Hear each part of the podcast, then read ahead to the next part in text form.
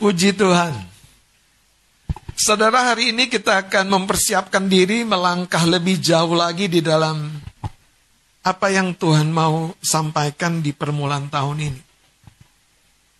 Saya akan beri judul renungan pagi hari ini Good Stewards, pelayan atau pengurus atau pengelola yang baik. Yang baik itu bermakna bijak, yang baik itu bermakna cerdik, Nah, saudara Tuhan ingin kita menjadi good stewards. Menjadi pelayan-pelayan, pengurus-pengurus, pengelola-pengelola dari kasih karunia, dari karunia dan kehidupan yang Tuhan percayakan kepada kita.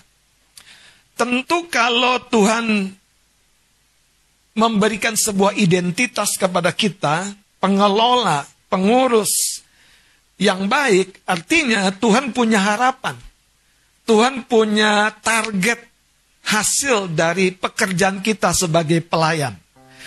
Nah, saudara, inilah yang kita harus pahami. Saya berjumpai anak-anak Tuhan yang berdoa minta promosi, hal-hal besar, kehidupan yang baik, rumah yang lebih le le lebar. Oh, gaji yang naik dong Tuhan sesuai dengan kebutuhan yang semakin naik. Tuhan beri, Tuhan jawab doanya. Namun seiring dengan waktu, mereka mulai undur. Dan kalau ditanya kenapa? Karena kehabisan waktu, sibuk bekerja. Sibuk membangun relationship. Padahal itu yang mereka doakan. Sibuk ngurus taman di rumah. Padahal itu yang menjadi kesenangan. Saudara Tuhan tidak memberkati kita supaya kita terkunci di itu. Makanya saya suka berkata begini kepada teman-teman.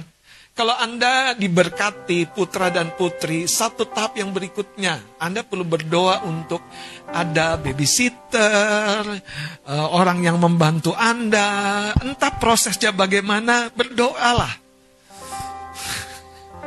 Supaya jangan dengan alasan itu, Aku nggak bisa melayani, aku nggak mampu begini. Kalau Anda dipercayakan kesehatan, berdoalah supaya Anda selalu fit.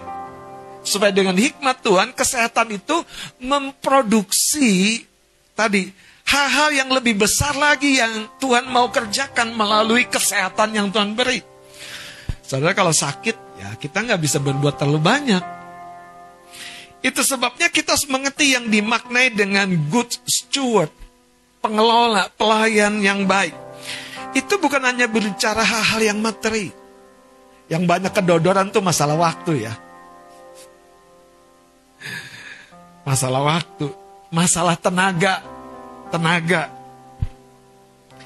Nah hari ini saya mau menguatkan kita, sering kali masalahnya bukan kita belum siap.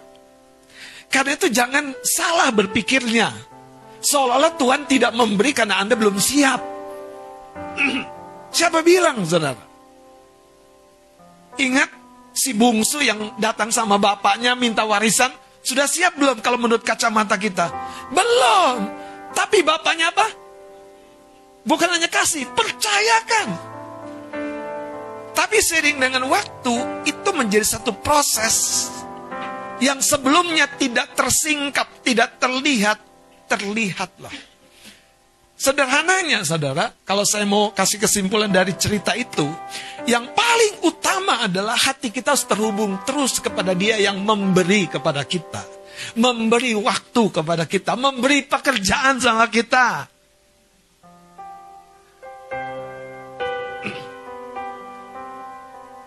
Belum dapat pekerjaan yang layak, aduh berseru Tuhan, bawa aku naik. Biar aku dapat promosi. Tapi sering dengan pekerjaan dapat, saudara, fokus kita bergeser dari Tuhan. Nah, itu sederhananya. Bukan berarti belum siap. Tapi kita melepaskan hubungan dari dia. Haleluya. Karena itu saya berdoa biarlah kita terus menginginkan perkara-perkara besar. Yaitu kehidupan yang lebih berbuah. Katakan amin. Ya. Nah saya mau sampaikan di dalam semuanya itu ada proses dia melatih kita. Dia memberikan proses untuk melatih kita. Dan dia memberi dari hal-hal yang kecil sampai hal yang besar. Dari hal yang biasa-biasa tidak dipandang, tidak dihitung oleh manusia. Sampai yang membuat orang-orang tercengang melihat kehidupan kita. Iya, dari Tuhan. Itu sebabnya mari kita jadi pengelola yang baik, pengurus yang baik. Kecenderungan kita secara rohani itu spesifik kecenderungan kita secara manusiawi itu juga spesifik. Saya berdoa kita mulai menangkap. Jangan-jangan tahun 2023 kita belum mengobarkan, menumbuh kembangkan apa yang Tuhan percayakan. Hari ini biarlah kita jadi orang yang siap. Amin. Sebelum kita baca dari satu Petrus pasal yang keempat. Yang pertama salam dari Ibu Gembala yang hari ini bersama dengan kita online. Kalau isi saya terhalang hadir karena gangguan kesehatan. Dan cerita yang mau saya sampaikan, saudara. Ada pelayanan Ibu Gembala hari Sabtu kemarin. Undangan khotbah di Komisi Perempuan. Di sebuah gereja di daerah Lenteng Agung. Komisi Perempuan nih. Yang diundang Ibu Gembala. Nggak salah kan? Ibu Gembala terganggu kesehatannya. Ibu Gembala dengan apa adanya cerita, nggak bisa hadir. Tapi pengurusnya bilang, Bu, rasanya kami nggak bisa cari yang lain. Gimana kalau Bapak saja, nah?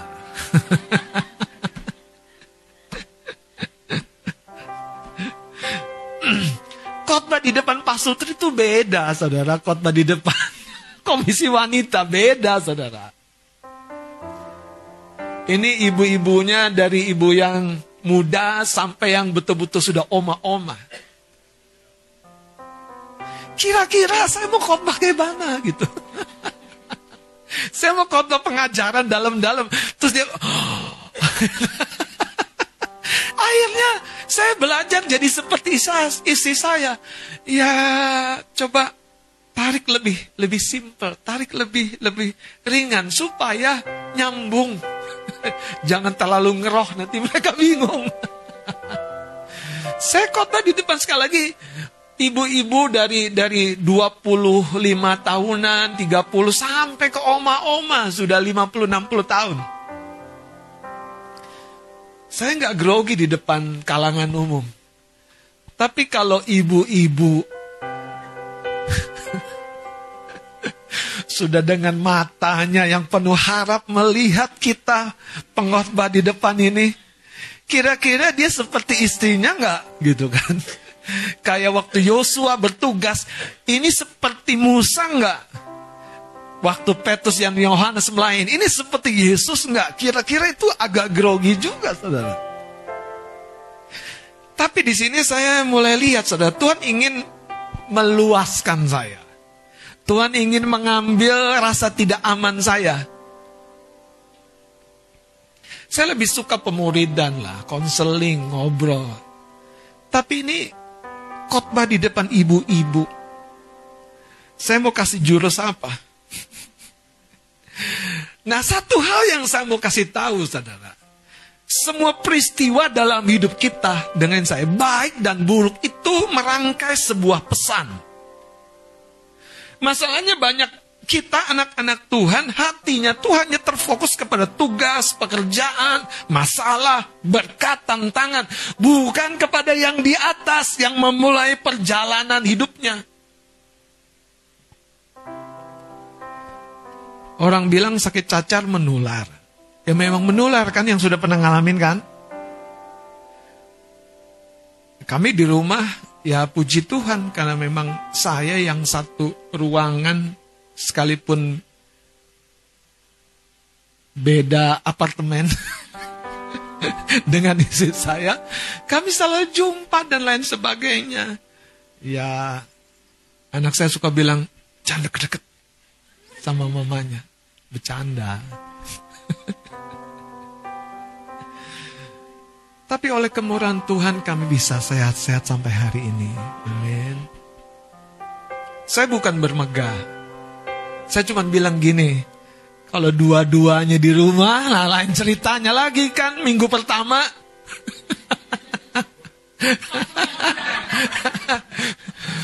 Bang Horas, Bang Adit bisa khotbah. Ini yang mimpin perjamuan dan doa tutup berkat siapa ini? Ceritanya akan berbeda, saudara. Makanya saya berdoa, bersiaplah sebelum jatuh temponya.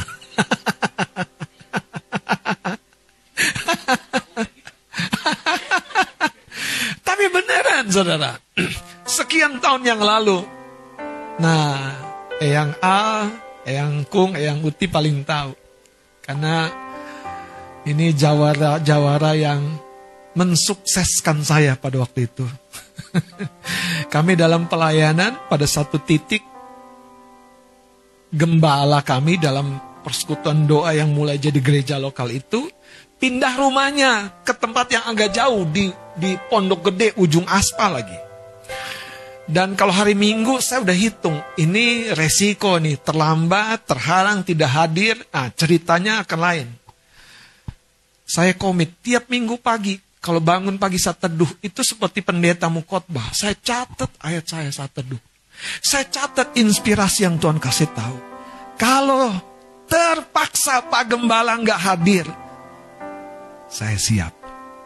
Saya bilang begitu. Saya siap. Jadi saya sudah persiapan sebelum jatuh temponya. Dalam proses itu, saya ingat sekali. Tuhan membawa saya pada satu perjalanan pekerjaan ketika saya bekerja di daerah Gunung Putri Citerep. Nah dari Blok M naik bis jemputan itu kira-kira ada 41 jam lah kira-kira. Sampai satu waktu saya diajari Tuhan, itulah sekolahan kamu.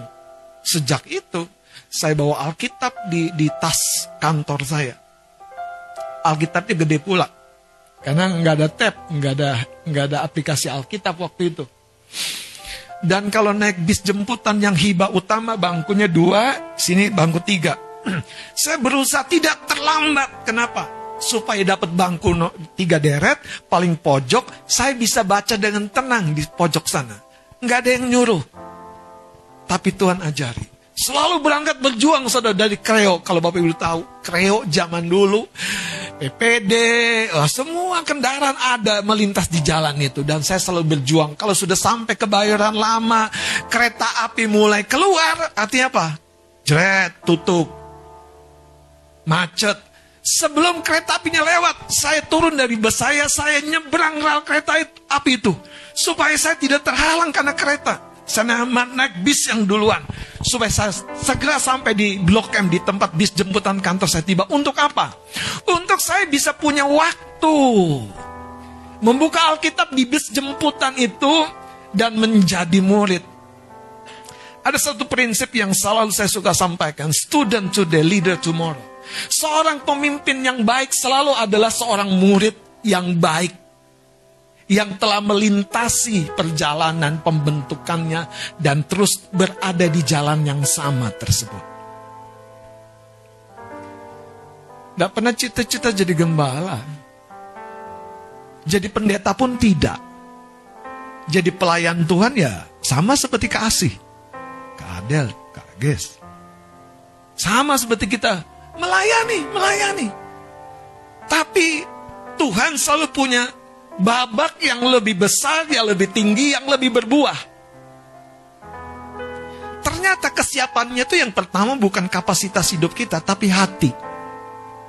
Kita ikhlas nggak? Ikhlas nggak terpojok? Ikhlas nggak terbebani? Ikhlas nggak? Yang lain tidur, kita berjaga-jaga. Ikhlas nggak? Dan itu bukan bicara kemampuan, tapi hati. Hari ini saya berdoa kita jadi pengurus atau pengelola yang baik dari karunia Tuhan. Amin. 1 Petrus 4 ayat yang ke-10. Satu ayat ini kita akan baca bersama-sama. Dua, tiga. Layanilah seorang akan yang lain sesuai dengan karunia yang telah diperoleh sebagai pengurus yang baik dari kasih karunia Allah. Sebagai pengurus yang baik, good stewards. Sebagai pengurus, artinya yang kita kelola, yang kita gunakan. Ini sesuatu yang dipercayakan kepada kita oleh Tuhan tentunya. Nah, sekarang mari kita lihat Lukas pasal 19. Ada satu cerita yang indah di sana tentang uang mina. Ayat 11 langsung saya akan baca. Perumpamaan tentang uang mina untuk mereka yang mendengarkan dia di situ Yesus melanjutkan perkataannya dengan satu perumpamaan. Sebab ia sudah dekat Yerusalem dan mereka menyangka bahwa kerajaan Allah akan segera kelihatan. Hmm. Jadi cerita ini tentang kerajaan Allah ayat 12. Maka ia berkata, ada seorang bangsawan berangkat ke sebuah negeri yang jauh untuk dinobatkan menjadi raja di situ. Dan setelah itu baru kembali. Baca sama-sama. Ia memanggil sepuluh orang hambanya dan memberikan sepuluh mina kepada mereka. Katanya, ini untuk berdagang sampai aku datang kembali. Jadi mina yang dipercayakan kepada hamba-hambanya yang ada sepuluh ini dipakai untuk apa? Berdagang. Kadang-kadang ada konflik nggak di hati kita kalau kita lagi terima berkat?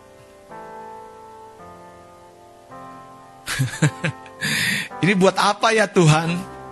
Kalau ngepas kan enak kan? Kalau lebih itu, mulai mengawang-awang. Ini mau ke mana gitu kan? Mau jadi apa? Berubah jadi apa?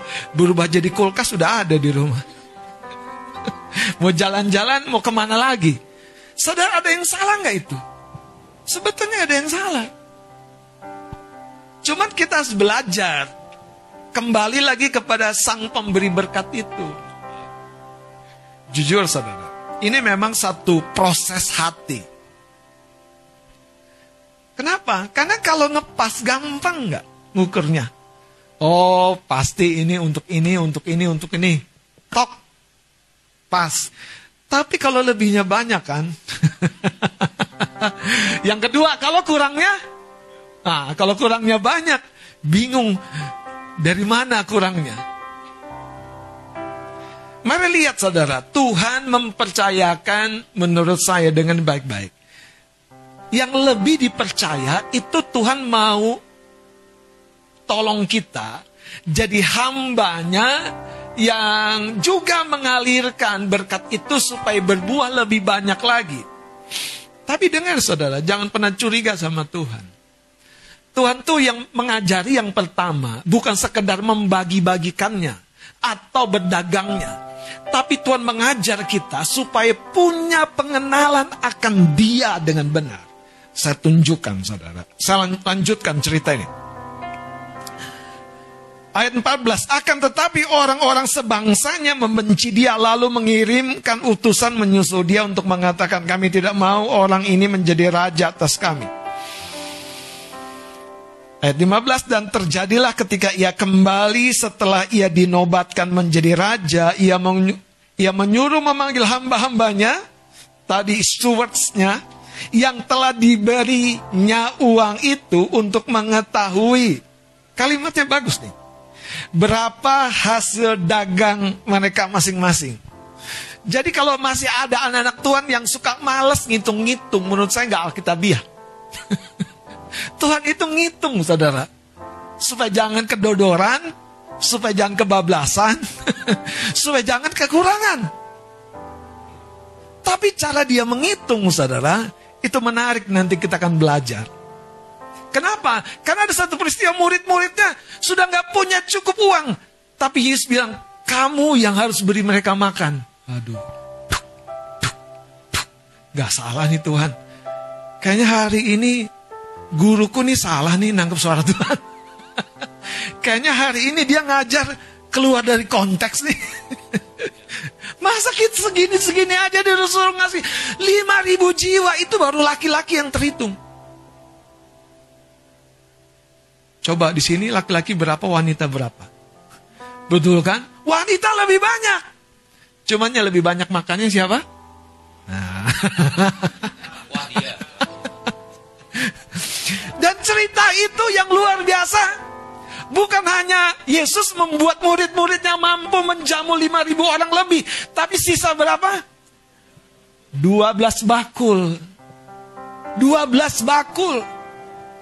12 bakul. Sekali lagi Tuhan ingin mengajar kita jadi good stewards. Supaya apa? Jangan ada yang terbuang. Murid-muridnya datang guru yang sana masih mau. Orang Manado makannya perlu ekstra. Yesus pecah roti dan ikan lebih banyak. Eh yang di sana ada lagi orang kita, halak kita. Perlu lebih banyak lagi. Yang di sana dari Solo dikit aja cukup, dari Jogja cukup. Eh, jangan salah.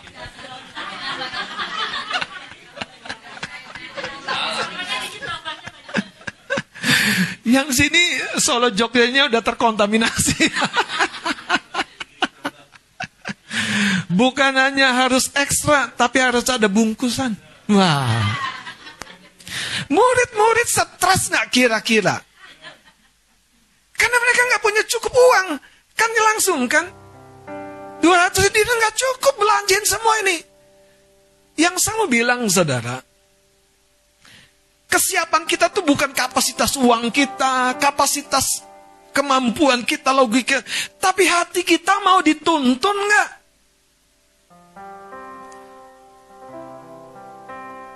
Makanya kalau yang baca pesan ulang tahun pernikahannya Kak Kristina bagus tuh. Cobek sama ulekan. Nah, itu cocok itu. Kapasitas hati, kerelaan, kerelaan. Coba teman-teman, aku nggak bisa ngomong sama jiwa baru. Sok, emang lu dulu jiwa dari mana gitu kan? aku nggak bisa ngomong sama oma-oma. Sok, ntar juga kamu jadi oma-oma, mau. Makanya jangan biarkan hatimu mandek, anak-anak muda. Saya percaya ruangan ini akan terlalu sempit, saudara. Dan itu dimulai ketika kita melihat diri kita dengan cara yang berbeda.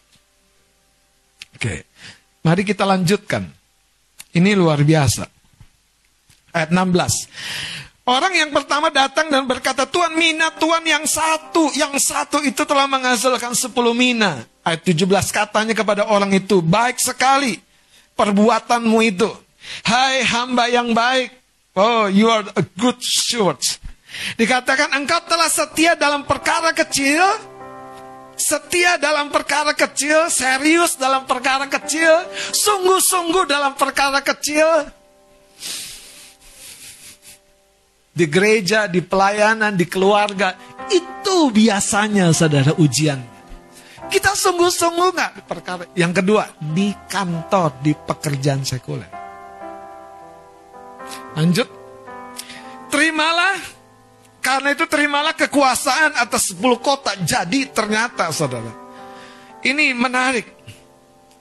Tuhan mempercayakan 10 kota. Sayangnya 18 datanglah yang kedua dan berkata Tuhan, mina Tuhan telah menghasilkan lima mina. Kuasa lima kota.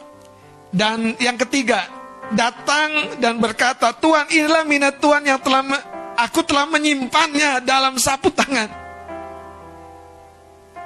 Jadi ingat mbok-mbok zaman dulu kan, menyimpan uang di sapu tangan kan. Terus bilang apa? Sebab aku takut akan Tuhan karena Tuhan adalah manusia yang keras. Tuhan mengambil apa yang tidak pernah Tuhan taruh dan Tuhan menuai apa yang tidak Tuhan tabur. Nah, ayat 22 ini pelajaran yang menurut saya cukup dalam. Banyak orang memenjarakan dirinya tuh di pikirannya. Tadi saya contohkan. Aku kalau di umum oke okay lah enak. Tapi kalau ibu-ibu, ini harus dikemas. Jangan bapak ibu, eh mana bapaknya? saya harus biasakan. Ibu-ibu, ibu-ibu. Itu konsep yang biasa buat saya harus berubah saudara. Dan dan saya pun harus punya gaya yang berbeda. Kenapa? Kan ini ibu-ibu rumah tangga bukan pelajar Alkitab, sekolah Alkitab. Tambahkan ayatnya Pak Pendeta. Wow, kurang dalam, wah itu kan mantap tuh. Tapi ini ibu-ibu yang mikirnya sebentar kocok arisan. Beneran loh. Karena habis itu ada arisan. Tapi yang menarik loh. Waktu saya ngobrol sama Pak Gembalanya. Pak, ini luar biasa loh. Yang hadir 40 orang lebih komisi perempuan. Tapi kalau komisi kaum bapak, 8 orang. 12 sudah luar biasa. Haleluya. Kaum bapak angkat tanganmu katakan haleluya. kita akan berbeda di tahun ini. Makanya Karsa Leader, kita harus berbeda di tahun ini. Nah, pertanyaannya apa yang memenjarakan si hamba yang ketiga ini? Yang dipercayakan sama satu talenta. Yang satu menghasilkan sepuluh, yang satu menghasilkan lima. Yang satu, sayangnya, hanya mendiamkannya saja. Engkau dan saya datang ke rumah Tuhan untuk dipakai menjadi batu hidup, katakan amin. Tapi masalahnya kalau di sebuah pembangunan rumah, tidak ada batu yang tidak bergesekan. Haleluya. Tidak ada batu yang tidak diketok oleh sang tukang. Haleluya. Tidak ada batu yang tidak disemen, dilengketkan. Artinya apa? Komitmen. Berdedikasi. Tidak ada. Semuanya memberi diri. Bukan karena kemampuan. Keikhlasan hati. Coba tanyain Eyang sama Kanani. Kalau setiap hari minggu bangun lebih pagi, datang lebih pagi. Kenapa? Karena takut. Nanti tim PU mau masuk, belum dibuka. Terus digembok. Terus kalau pulang, orang kantor tanya, kemarin siapa yang terakhir? Saya. Mana mungkin ya kan jemaat bilang saya. Tapi Pak Jumat dia akan bilang saya Pak. Good steward kanannya akan bilang, aku. Kenapa? Karena udah disetel jadi pelayan di rumah Tuhan. Coba. Haleluya. Laptop mau menayangkan, nggak beres. Ada yang ada yang berani, saya om. Sambil begini, ada yang berani nggak? Ada yang ikhlas nggak? Saya bang, saya terdakwanya. Coba multimedia, suaranya ngaco. Ada yang datang gak tersungguh, Tuhan aku malu hari ini pelayananku gak beres. Nih asyik nih. Ruangan kita ada yang gak beres. Nanti, Tuhan, aku malu hari ini, aku gak, aku gak, gak layak. Aku gak jadi aser yang benar. Sekali lagi, di gereja, di keluarga, kalau Anda lolos di dua ini saja, saya kasih tahu, di dunia marketplace, di dunia umum ini, Anda orang yang tidak tertandingi. Buktikan saudara, siapa? Buktikan siapa? Yusuf. Di keluarga tuh orang yang dapat dipercaya. Daud. Papanya bilang, nak, nak, nak, nak. Ini sekecil ini. Si kecil. Bawa dulu titipan papa untuk abang-abang kamu di medan perang. Medan perang? Iya nak. Kasih. Ini juga titipan untuk uh, panglima di sana. Daud apa? Yang pertama bangun pagi-pagi. Yang kedua, dia tidak lupain kambing dombanya hanya dua tiga ekor. Dipercayakan lagi kepada gembala. Makanya liburan tuh kadang-kadang jadi pencobaan loh buat para pemimpin. Lupa nggak? Isi saya bagus ke mana? Dia bilang gini, ada orang liburan, liburan. Saya nggak salin liburannya loh. Sikap hatinya yang saya salin. Menurut firman loh. Liburan, lenyap. Nggak ada info ke mana. Nggak ada info baliknya ke mana. Terus istri saya bilang, lah ini kan rumahmu gereja ini. Emang ini ini rumahnya siapa gereja ini? Saya mau beritahu saudara. Jadilah seorang yang dapat dipercaya sebagai pengurus yang baik. Jangan kalau sudah di, mo, di setting mode liburan, itu kayaknya hilang lenyap. Jam doa hilang lenyap. Jam penyembahan hilang lenyap. Habis gimana bang? Di jalan terus mau nyembah ke mana? Eh siapa bilang? Penyembahanmu bukan masuk gereja dalam hatimu yang pertama-tama. Loh, Daud melihat bintang dan bulan menyembah Tuhan. Ya kan? Lihat orang kecelakaan kita selamat, oh menyembah Tuhan. Betul gak sih? Iya kan? Coba bayangin kalau ada di kereta api di Bandung itu.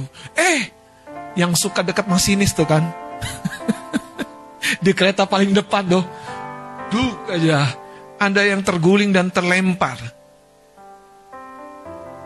Iya kan? Tapi kalau lihat cerita itu Anda menyembah Tuhan gak? Tuhan terima kasih hidupku berharga.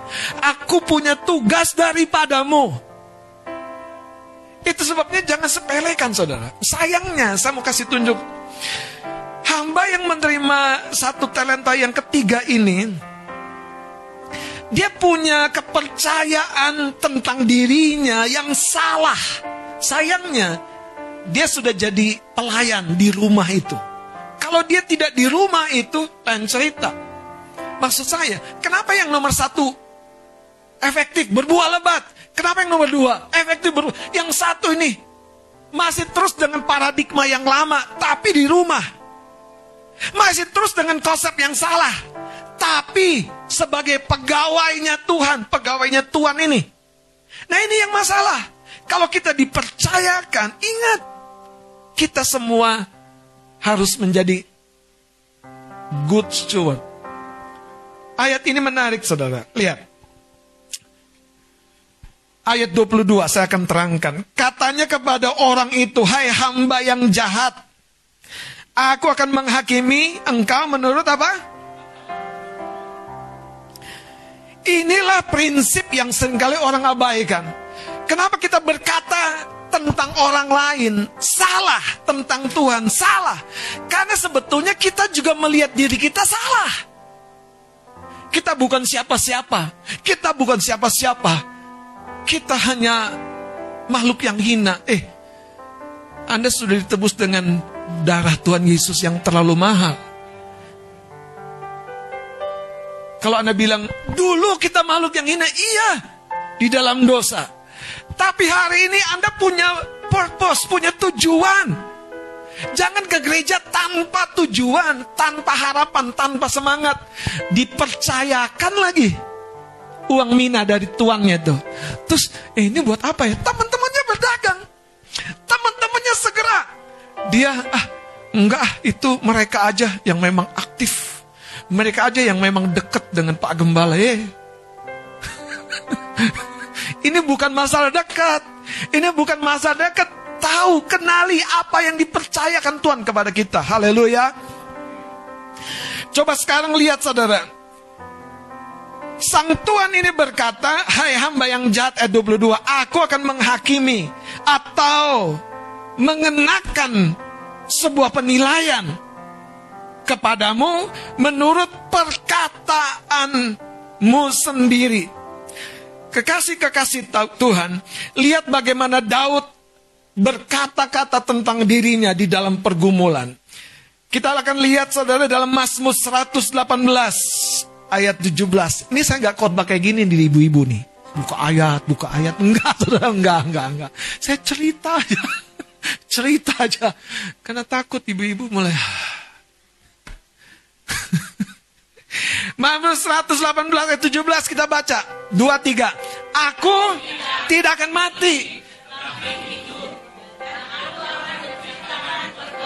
Kira-kira waktu Daud berkata tentang dirinya, seperti ayat ini dalam kondisi apa?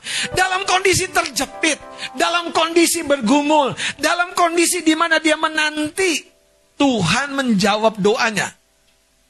Kekasih-kekasih Tuhan, tahun 2024 itu tergantung Anda melihat diri Anda. Kalau kita melihat diri kita orang dilupakan Tuhan, hati-hati itulah hukum rohani. Yang kau percayai yang salah akan menjadi ukuran yang salah. Yang kau percayai benar tentang Tuhan yang pemurah, pengasih, penyayang, hebat, melampaui segala kutuk dan pekerjaan si jahat, melampaui, dia akan bekerja sesuai dengan imanmu. Katakan amin. Ayo percaya tentang keuangan, tentang pekerjaan, tentang pelayan, tentang hidup kita. Daud berkata, aku tidak akan mati, tetapi apa? Hidup Daud berkata dalam satu kondisi yang paling melelahkan dari pergumulan hidupnya. Daud berkata, aku tidak akan mati. Ini bukan akhir perjalananku. Sakit ini bukan cerita yang perlu dibesar-besarkan. Karena di dalam sakit ini aku akan melihat kesembuhan. Di dalam kekurangan ini aku akan melihat Allah yang pemurah itu. Saudara kalau dikasih proyek sama Tuhan, beri mereka makan. Apa respon kita?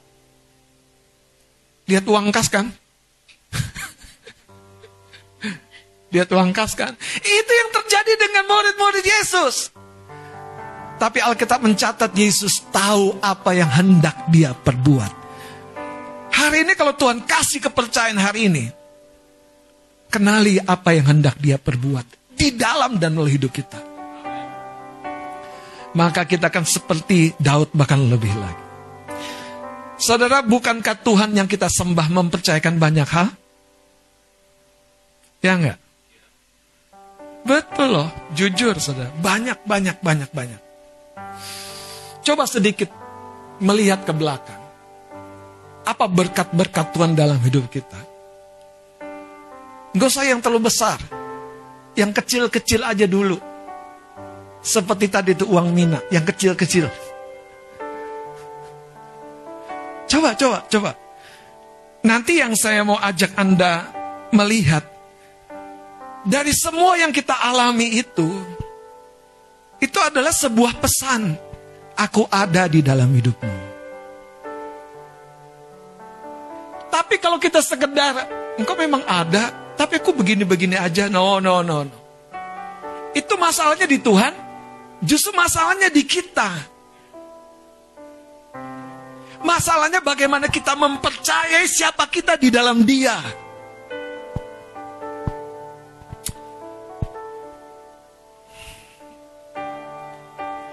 Matius 14 ayat 15 dan 16. Menjelang malam murid-muridnya datang kepadanya dan berkata tempat ini sunyi dan hari sudah mulai malam.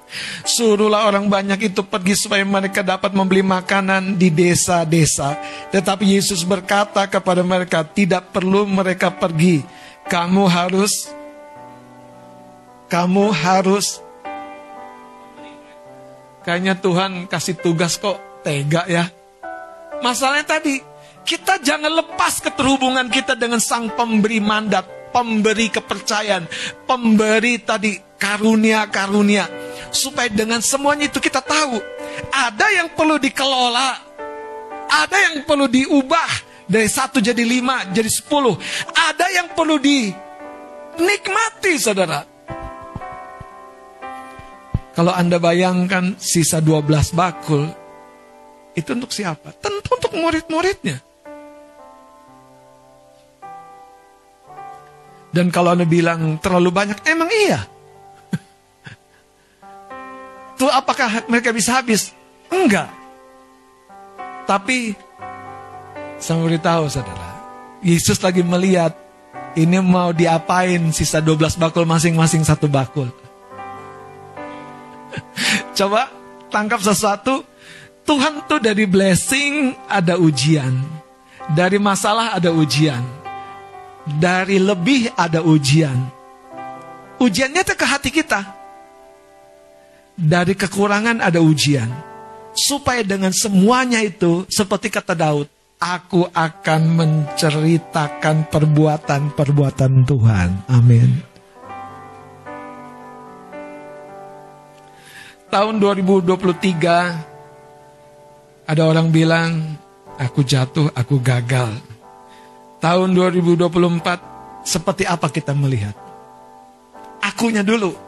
Baru kita nanti baru kita tahu kita melihat dia itu siapa. Kalau kita melihat aku tidak mungkin sukses, nah, berarti apa? Anda menolak tangan Tuhan. Anda menolak kemurahan Tuhan. Aku nggak mungkin lah jumpa sama orang terbaik dalam hidupku. Orang lingkunganku ya ini ini aja. Wes, Terlalu cepat Anda berkata seperti itu. Tuhan mengirimkan burung-burung puyuh dari seberang lautan ke perkemahan Israel. Tuhan mengutus hambanya Abraham untuk Ishak yang sudah kecewa berat dengan hidupnya. Semuanya terjadi dalam campur tangan Tuhan. Saya berdoa, kita tahu mengelola hidup kita. Saya mau simpulkan ada dua hal yang penting. Bagaimana respon kita atas pemberian Tuhan dalam hidup kita. Yang pertama, saudara, bagaimana kita bisa terus terhubung dengan Dia. Itu didasari dengan bagaimana Anda melihat diri Anda sendiri. Kita melihat diri kita orang gagal yang nggak nggak akan maju, nggak akan sembuh, nggak akan berhasil, nggak akan berubah. Itu kita seperti menolak tangan Tuhan yang memberikan waktu, memberikan hidup, memberikan kepercayaan. Yang kedua, saudara, kita terus mengelola. Jadi mungkin Daud pernah gagal, tapi Daud bangkit lagi. Abraham pernah gagal, namun dia bangkit lagi.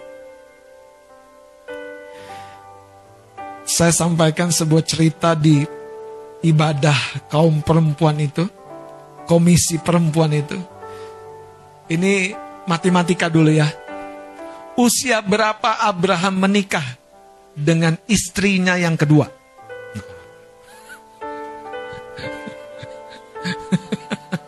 Hah?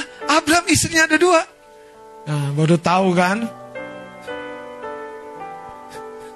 Coba, coba, usia berapa? Ada yang tahu? Usia kedua siapa itu? Jadi Hagar itu istrinya bukan. Istri yang kedua, umur berapa Abraham menikah? Oke, saya kasih tahu. Abraham Sarah dapat janji ketika dia usia hampir 100 tahun. Dan ketika Abraham 100 tahun lahirlah Ishak. Ada kira-kira 40 sampai 45 tahun Ishak tumbuh besar dan Sarah sakit dan meninggal di usia Ishak 45 tahun. Yang menarik adalah gini yang saya mau ceritakan. Abraham tuh tidak tinggal terus melo. Lihat istrinya yang meninggal, anaknya yang gak mau menikah. Lah janji Tuhan di mana dong keturunanku seperti bintang di langit, pasti di laut. Abraham mengambil inisiatif, bilang sama hambanya, sini sini kamu, kamu orang kepercayaanku, ambil sumpah. Diutuslah hambanya mencarikan jodoh buat Ishak anaknya. Dan itu di usia kira-kira 40 sampai 45 tahun berangkatlah, ketemulah jodoh buat Ishak. Setelah mereka menikah, Ishak dihiburkan atas meninggal mamanya. Abraham baru mengambil ketura. Yang menarik adalah begini yang saya mau ceritakan.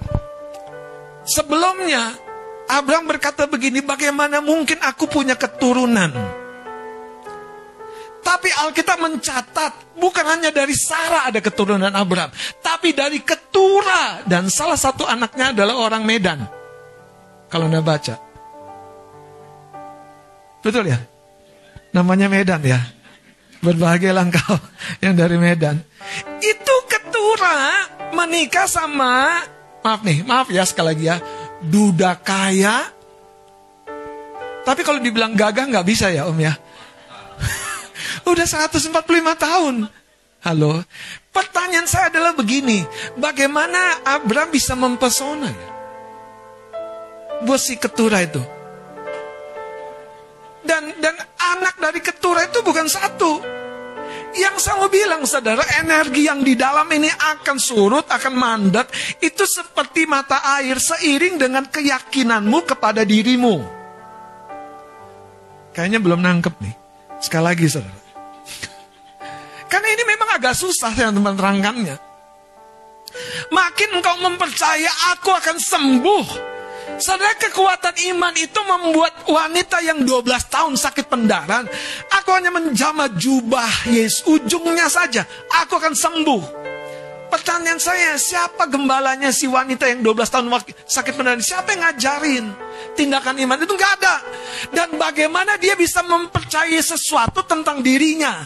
Aku akan sembuh. Banyak orang Kristen, anak-anak Tuhan berhenti di babak di mana dia gagal, jatuh, kecewa, dan kehilangan pengharapan, dan terus berkubang. di tempat itu. Di mana? Di pikirannya. Gak mungkin. Itu sebabnya dia gak mau memulai sesuatu yang baru. Saya berdoa besok, besok ya. Tuhan izinkan Anda dibawa melanglang buana. Kasih. Siapa tahu besok ada yang ngundang kasih pimpin pujian dong di gereja kami. Kenapa tidak ya kan? Bang di gereja sendiri aja belum lulus. Eh, jangan ngomong begitu. Haleluya. Banyak orang begitu hatinya yang diuji. Kamu harus bikin yayasan anak. Bang, ngurus anak aja aku di rumah susah. Sekali lagi saudara, kepercayaan dari Tuhan itu selalu diiringi dengan kemampuannya, kasih karunia-Nya.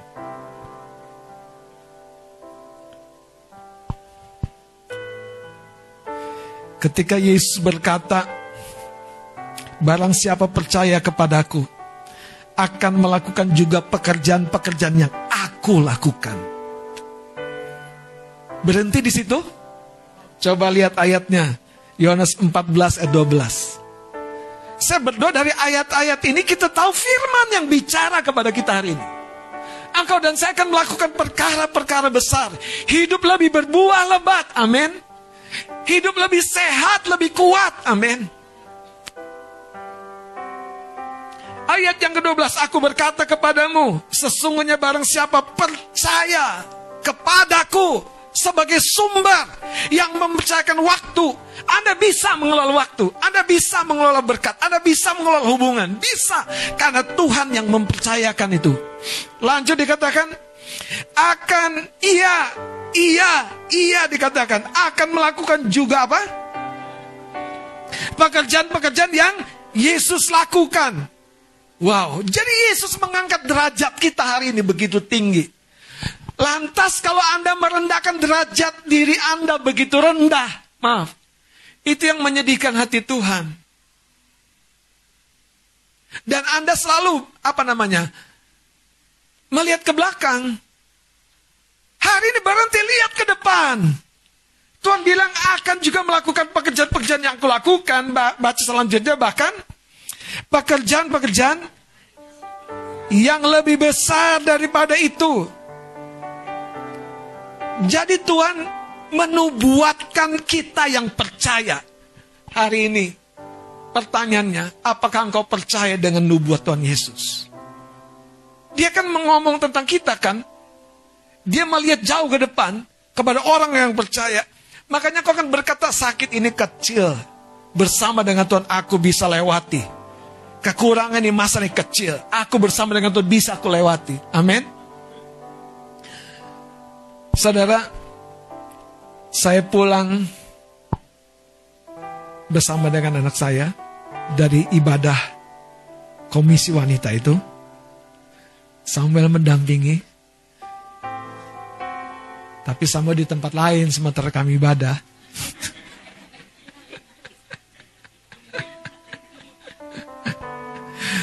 Tapi yang menarik adalah begini, saudara. Kami salah jalan dua kali. Lagi berangkatnya. Salah jalan, saudara. Udah macet, hujan lebat. Memang puji Tuhan sih. Puji Tuhan. Keadaan itu tidak senyaman biasanya. Kami sampai di sana sudah telat. Dan ternyata ibadahnya juga masih belum siap. Ini yang saya mau ceritakan ketua komisi perempuan itu bilang, Pak, ini pas yang harusnya jadi WL izin kurang sehat. Ya sudah, dia cepat-cepat ketik lagunya, dia yang pimpin daripada nunjuk orang lain. Nanti dia dapat jawaban yang agak-agak mirip tuh. Saya belum siap. Coba, itu loh maksud saya. Masalahnya di hati kok, bukan di kemampuan. Dan ibu itu cerita juga sama saya. Yang kedua Pak, tim multimedia nggak hadir juga. Jadi jasanya udah siap. Semuanya tinggal klik, keluar di layar yang sudah ada. Jadi hari itu malam itu mereka geret whiteboard ke tengah gereja untuk jadi layar proyektor. Pada sebelumnya sudah ada di tembok besar. Dan mereka taruh meja, laptop, dan Saya sampai harus menunggu mereka setting dan menghubungkan uh, laptop itu dengan proyektor. Dan dia cerita, Pak, ini yang luar biasa. Di permulaan ibadah pertama, show must go on. Dengan segala konsekuensinya. Saya lihat ya, ibu ini berlapang dada. Yang ditunjuk berkhotbah dari wujud aslinya berubah.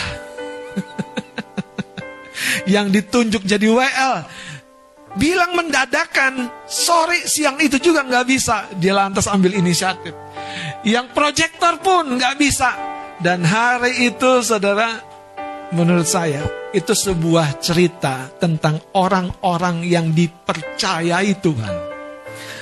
Saya bilang begini tahu nggak? Wanita yang jumpa Yesus di sumur Yakub di Yohanes pasal 4 lima kali menikah dengan lima suami Wah, pria yang terakhir bukan suami. Masalahnya kenapa dia cari lagi? Karena dia tidak punya kemampuan menerima. Saudara, banyak orang selalu ingin good, yang terbaik. Tuhan Yesus tidak memilih Petrus sudah jadi. Tuhan Yesus tidak memilih Thomas. Oh, sudah uji coba. Dia pasti imannya kuat. Dalam proses saya cerita begini. Apa yang menghalangi kita menjadi berkat? Apa yang menghalangi kita mengalami proses dari hidup yang biasa-biasa? Karena kita tidak mau menerima tadi itu cobek dengan ulekan. Kalau kita bersedia menerima, jadi tuh sayur pare bisa dinikmati enak. Kenapa? Karena ada udangnya. Kalau Anda tahu pare itu pahit ya. Itu jadi nikmat. Sayur daun pepaya yang sebetulnya pahit ditambah daun singkong lagi. Tambah lengkap pahitnya. Eh bisa jadi enak, gurih, nikmat. Tahu nggak? Ada pete sama santannya. Hidup ini jangan dilebih-lebihkan pahitnya. Di rumah Tuhan Anda ketemu kemanisan Tuhan itu. Itu yang membuat Abraham tetap manis at the end. Sarah manis. Semua hamba-hamba Tuhan yang pernah gagal manis ujungnya. Tahun 2024, gak usah tunggu akhir. Bulan-bulan ini akan manis buat hidup kita. Mau jadi ulekan sama cobeknya?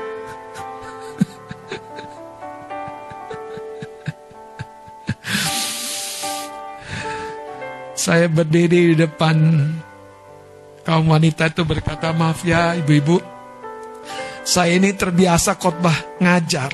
Tapi hari ini saya mau cerita-cerita aja. Singkat cerita, saya tutup dengan, saya lihat wajah ibu-ibu itu penuh dengan sukacita. Karena kebayangkan, Anda tahu kan Ibu Gembala dengan Pak Gembala. Kesanggupannya beda kapasitasnya beda, daya entertainnya beda. Saya cocok ngomong serius pemuridan, kasih apa ngajar. Kalau ibu kembali yang santai ya ina, tapi ujungnya bertobat. Belum lagi kalau dikeplok. Nggak tobat-tobat lu udah 2024 nih. Kalau saya nggak bisa gitu. Kasih ayat dulu, bertobat nggak kamu? Neraka, surga mau jadi cobek sama ulekan itu artinya apa? Diproses. Kapasitas yang terbaik dari hidup kita tuh sedang sedang tumbuh. Kuncinya tadi kita harus tetap apa? Terhubung. Kedua, kedua kita percaya apa yang dipercayakan kepada kita tuh besar nanti tumbuh luar biasa. Amin. Sebelum tidak ada satu orang yang memulai tahun ini dengan rasa kecewa tahun 2023. Nggak ada. Lupakan, lepaskan. Tidak ada satu umat Tuhan yang memulai tahun 2024 ini dengan rasa pesimis tahun 2023. Haleluya. Tidak ada. Lepaskan saudara. Yang Tuhan cari itu hati kita yang mau, bukan kemampuan kita. Dari mana aku bisa bayar hutangku dari kasih karunia Tuhan? Kalau Anda peras pikiran Anda kerja siang malam banting tenaga tuangmu habis, bayar hutang Anda pulang ke rumah Tuhan. Gak nikmati bonusnya. Kasihan.